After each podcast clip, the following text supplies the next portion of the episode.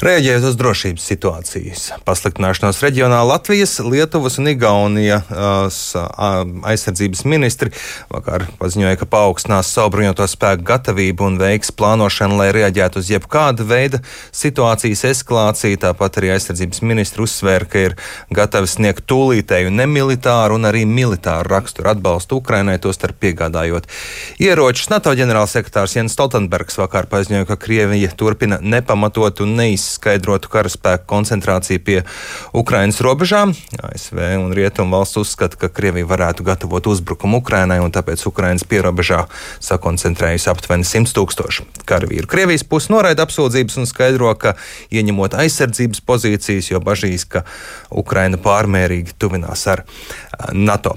Šobrīd esmu sazinājies Nacionālo bruņoto spēku rezerves pulkvedi Igoru Rajevu. Labrīt! Labrīt! Krievijas noraidītās prasības, NATO spēku koncentrēšana Ukrainas pierobežā, retorika, viss, ko redzam no Krievijas puses, Baltijas valstu aizsardzības ministra, NATO ģenerālsekretāra paziņojums. Redzot visu šo, liekot kopā, es domāju, daudziem ir viens un vienīgs jautājums. Tas viss var nonākt līdz atklātam militāram konfliktam, jāgatavojas karam? Patiesībā jā. Jo, um, bet te ir viena liela piebilde. Tas konflikts, ja viņš arī iespējams notiks, viņš notiks uh, Ukrainas teritorijā. Viņš nenotiks šeit pie mums. Tāpēc nevajag saistīt uh, mūsu vienību kaujas gatavības paaugstināšanu šeit uz vietas ar to, ka jebkādi konflikti varētu notikt šeit. Um, Jā.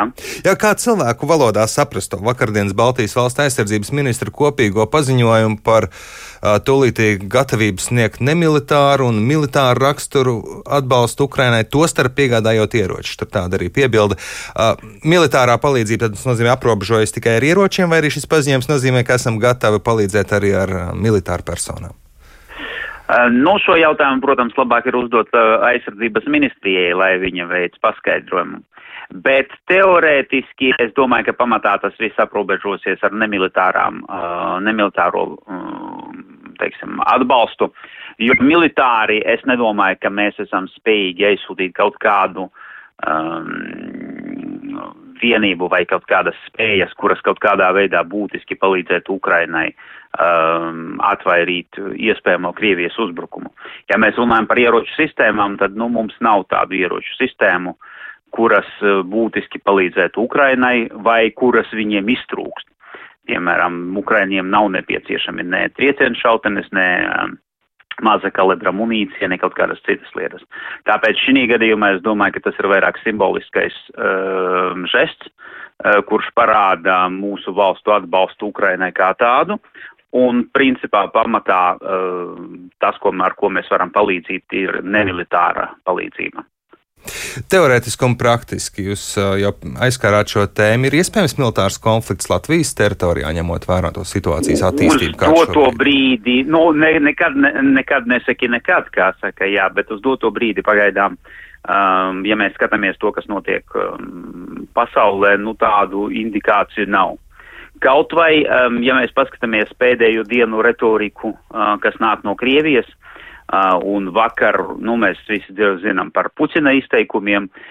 Diemžēl tas viss aiziet negatīvā virzienā, un ja mēs paklausīsimies to, ko um, Krievijas aizsardzības ministrs Šaigu ir teicis, uh, kad viņš pateica, ka iespējams, ka tiek izkrauti ķīmiskie ieroči un gatavojas uh, ķīmisko ieroču pielietošana pret Don, Doņetskas un Luhanskas uh, bruņotiem spēkiem un iedzīvotājiem. Nu, tas jau, man liekas, ir aiziet pa tālu tas jau ir uh, robežojas ar šizofrēniju. Jo, ja, nu, lai, nu, Šoigus saka, ASV nopietni... privātie militārie uzņēmumi to viņu prāt darot, esot tāda informācija. Kā attiecas pret šādiem paziņojumiem? Tas ir um, uh, sabiedrības gatavināšana, domāju, starptautiski raidīts signāls.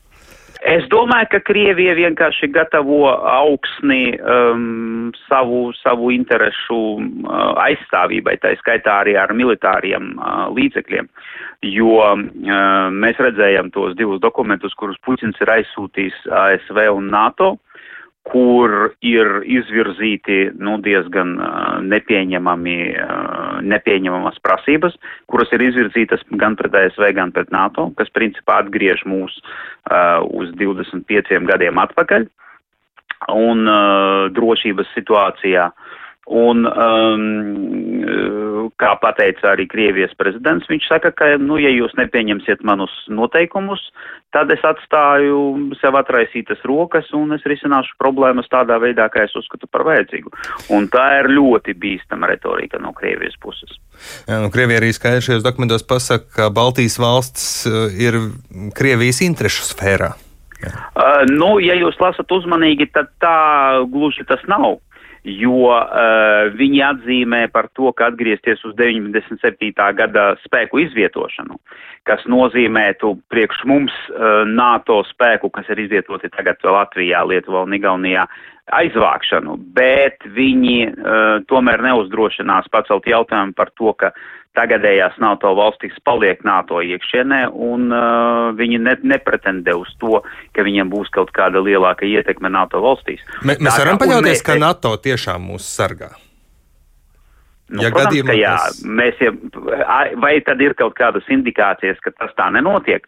Mēs redzam NATO karavīrus šeit pie mums, mēs redzam, redzam politisku atbalstu, mēs redzam militāro atbalstu, un nekas pilnīgi nekas, kas nāk no NATO, gan ģenerālsekretāra runātā, gan no citām NATO valstīm, neliecina par to, ka NATO mūs neaizstāvēs. Ja atgriežamies pie Ukrainas, ja situācija tur nonāk līdz atklātam konfliktam, um, Ko NATO darīs? Stāvēs malā un ar vārdiem atbalstīs Ukrainu, varbūt ieroču piegādēm, vai arī paši ar savu karaspēku un militāru personālu? Nu, redziet, tas atkal jautājums ir uh, labāk adresēt NATO ģenerālsekretāram, ko darīs NATO.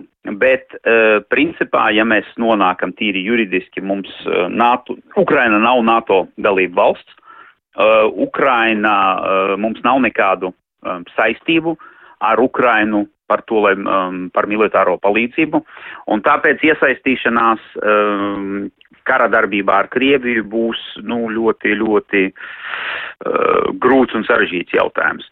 Uh, tas nenozīmē, ka atsevišķās NATO dalību valstis pēc pašas iniciatīvas nevarētu palīdzēt Ukrainai. Bet tas ir cits jautājums, un te ir katrai kādai valstī, nu, viņai pašai ir jārisina, ko tad viņai ir jādara. Uh, palīdzība ar ieroču sistēmām, uh, nu, šī gadījumā viņai ir mazliet problemātiska. Jo, uh, ja mēs varam palīdzēt, teiksim, ar kaut kādām, nu, visi tad runā par tiem dževeliniem, jā, kā lielāko ieroci. Well, ir jāsaprot, ka dževelins tā ir vienkārši prettanku rakete, kura, nu, viņa ir ļoti laba, viņa ir efektīva, uh, bet tas ir um, zema līmeņa taktiskais ierocis, kurš um, pat ja viņš būs pielietots pietiekošā lielā daudzumā, um, nedos, nu, teiksim, tas nav atturošais efekts uh, Krievijas uzbrukumam.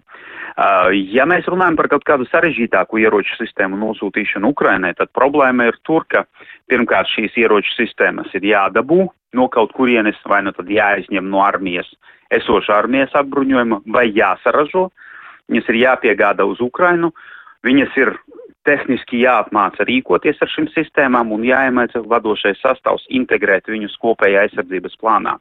Un tas nevar nav izdarāms ne, ne, ne nedēļas, ne mēneša un pat ne gada laikā. Tāpēc Jā, kaut kādu nopietnu ieroču sistēmu piegādi Ukrainai. Protams, viņa var notikt, bet viņas efekts uh, jau esošā konflikta laikā nu, būs ļoti, ļoti mazs. Jā, un noslēdzot mūsu sarunu, jūs jau pieminējāt Šoigu izteikumus. Uh, Putinu citēja arī Krievijas oficiālā aģentūra, kur tiek teikts, ja rietumu kolēģi turpinās veikt agresīvus soļus, Putins atbildēšot ar militāri tehniskiem uh, soļiem. Kas slēpjas zem šāda termina militāri tehniski uh, kiberuzbrukumi? O nē, es domāju, ka tas ir daudz, kaut kas daudz nopietnāks, jo Puķins runā par, uh, par uh, tām jaunām ieroču sistēmām, kuras ir Krievijai, tādām kā hiper uh, skaņas raķetes, kur Krievija tad it kā parādīja, ka viņiem tādas lietas ir. Un um, mēs zinām to, ka Krievija, neskatoties uz visām tām viņas armijas problēmām un visām pārējām lietām, viņa tomēr ir moderna armija, viņai ir spēcīgs moderns ekipējums, armija ir spēcīga, pēdējās mācības Zapats arī parādīja, ka, nu, neskatoties uz visām tām, kā es jau teicu, pro, viņu problēmām, viņi ir spējīgi rīkoties un viņi ir spējīgi veikt uh, noteikta līmeņa operācijas. Un tāpēc, uh, nu jā, ar Krieviju ir jābūt uzmanīgiem un Krievijas draudus ir jāuzņem ļoti nopietni. Un attiecīgi ir jāgatavojas stāties tiem pretī. Paldies jums par sarunu. Šorīt Nacionālā bruņoto spēku rezerves pulkvedis Igors Rajevs ar mums sarunājās.